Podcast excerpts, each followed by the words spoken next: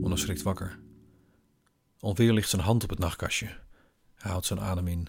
Waar lag de knop? Hij durft niet te bewegen, want het is stil buiten. Met enkel zijn linkeroog van het hoofdkussen draait hij zijn zicht langs de spullen op zijn nachtkastje. Zijn hand, de wekker, zijn mobiel, een nachtlampje, een potje melatonine. En de knop. De knop ligt in de vensterbank, net iets meer dan één armlengte vanaf zijn bed. Het was voldoende. Hij kon er net niet bij. Hij blaast uit. Naast hem is het leeg en koud. Ze is er nooit op donderdagen, bedenkt hij zich. Natuurlijk is het warmer als zij er wel is, maar je moet nooit afhankelijk zijn van de ander voor je eigen geluk. De kou van zich afschuddend trekt Onno een joggingbroek omhoog en een t-shirt omlaag. Toch heeft hij in zijn hoofd zijn uniform al aan. Hij is wakker, de dag is begonnen, de dienst was dat al. De dienst die nooit stopt. Ook wanneer Onno met gesloten ogen een bak yoghurt eet, is hij de beste politieagent die Almere ooit gekend heeft. En sinds 2,5 jaar tevens de enige agent die Almere nog kent. Ze konden niet meer anders. En Onno, zo bleek, hoefde ook niet anders. Hij zet zijn kom in de vaatwasser en stopt de knop in zijn binnenzak. Een gladde, matzwarte, smalle doos, net iets groter dan een mobieltje met een haast cartooneske rode knop erin verzonken. De transparante dop die voorkomt dat Onno hem per ongeluk indrukt, is afgebroken. De binnenzak heeft de vorm van de doos aangenomen. Onno trekt zijn fiets uit de kelderbox. Niemand weet dat Onno de laatste agent is, maar dat is hoe het werkt. Zijn gezicht, zijn naam, zijn werktijden zijn onbekend. Wat men wel weet is dat misdaad niet mag en dat er nog maar één straf is. En die straf deelt Onno uit.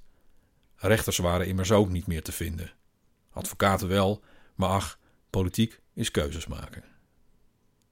Onno doet de deur naar zijn bergruimte zachtjes dicht. De afgeschreven Russische low-yield tactical Nook die het college van B&W op de kop had getikt, ligt heel veilig, maar vooral onopgemerkt ingegraven onder de portiekflat waar Onno en zijn 200 buren wonen. Die gedachte raakte hij nog steeds maar moeilijk kwijt. En dat moet ook, want het is een hele verantwoordelijkheid.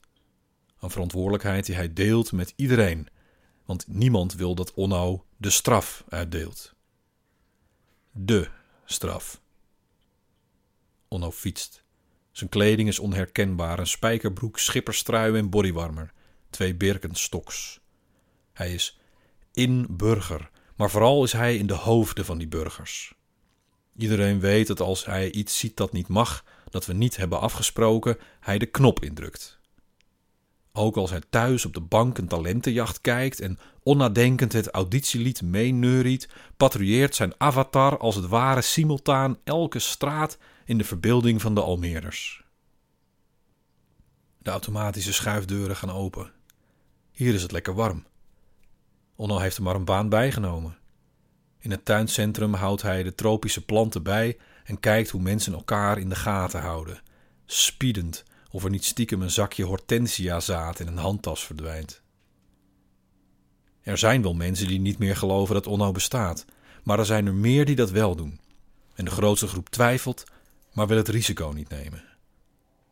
Per april is ook de ouderenzorg, jeugdzorg, tandheelkunde en het onderwijs afgeschaft. Nog twee maanden te gaan, maar de geesten zijn al rijp gemaakt. Men is er klaar voor. Bij de bushalte ziet hij mensen de overstaptijd gebruiken om te flossen. Scholieren liggen in de pauzes mediterend in het gras als ze niet mulies analyseren. Bejaarden joggen elektrische fietsers eruit. Elke week gaat een snackbar failliet. De paar achterblijvers die nog oud gedrag vertonen, zoals TikTok, doomscrollen en brood eten, worden niet aangesproken. Want ja, je hebt elkaar nodig en het is moeilijk om aan te zien, maar je moet nooit afhankelijk zijn van een ander voor je eigen geluk.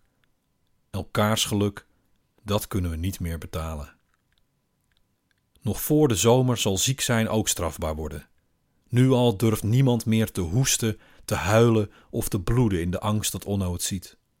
De gemeenschap houdt bakken geld over voor belangrijke dingen. Het stadsbestuur kan nu wel elke maand een tuinbouwtentoonstelling organiseren. Hij mist wel zijn collega's, maar die doen nu andere dingen die Onno niet doet, zoals consultant zijn voor de bazen van Onno. Of vooral voor bedrijven die echt graag dingen willen doen of laten die nog niet mogen, maar nog geen tijd hebben gehad om de wet aan te laten passen. Ze leren hoe te voorkomen dat Onno het ziet. Toch wil Onno het liefst een baan als zijn buurman, de buurman van de twee onder een kap tegenover de flat. Toen hij er gisteren thuis kwam, was zij daar, bij hem. Een kopje suiker lenen, zei ze. Het derde deze week. Hij had mooie spullen, mooier dan die van Onno, zag hij. Zij ook. De buurman had weggesolliciteerd als senior account manager en is nu lead product owner. Daar kwamen die spullen natuurlijk vandaan, de products die hij moet ownen. Het klonk belangrijk, als iets waar we niet zonder kunnen. Hij snapt dat zij onder indruk is. Hij ook. Onno blaast in zijn kamillethee en trekt een tuinstoelkussen recht.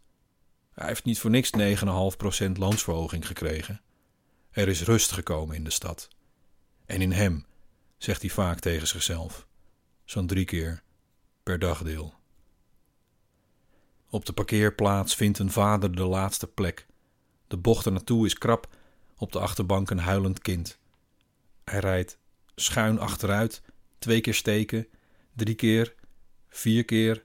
Hij stapt uit, toch net de banden over de lijn.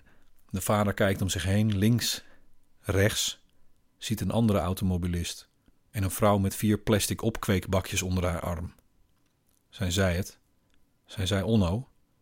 Onno wil geruststellend gebaren dat het best goed is zo, maar krijgt geen oogcontact. En misschien maar beter, want dit is zijn werk. Er vooral niet zijn voor de ander. Het portier gaat open, het gehuil wordt harder. Portier weer dicht, gehuil zachter. Vijfde keer steken. Zesde keer. Ja. De vader laat zijn stuur los en veegt over zijn wang. Onno werd deze maand al drie keer wakker met zijn hand op de knop. Het luchtalarm gaat. Het is medio februari, een donderdag. Onno zucht. Dat kan maar één ding betekenen: noordoostenwind. Dan moeten de ramen dicht, want daar stond vroeger Lelystad. Daar ging het ook goed, net als hier. Daar werkte agent Marcel. Maar Marcels vrouw verliet hem voor een solution architect. Marcel kon niet zonder haar. Maar je moet nooit afhankelijk zijn van de ander voor je eigen geluk.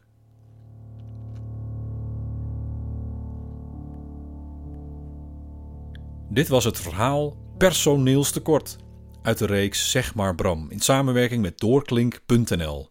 Stuur dit nou niet door naar de onno's die je kent, maar geef ze een knuffel. Stuur het wel door naar de lead product owners trouwens, want die zijn met veel meer. Niet dat ik denk dat ze dan nu kleuterjuf worden, helaas, maar ik wil natuurlijk wekelijks vullings- en van de wulpachtige luistercijfers van honderdduizenden mensen wiens dorst naar inzicht, troost en waarheid ik laaf. Maak geen illusies, ik doe dit voor mezelf. Volg daarom dit kanaal, doe eens dol en laat een review achter, klik op zo'n ster. Check de show notes voor de socials, plant een boom, aai een hond en ga vanavond eens vroeg naar bed. Tot de volgende keer. Tot het volgende, jawel, verhaal.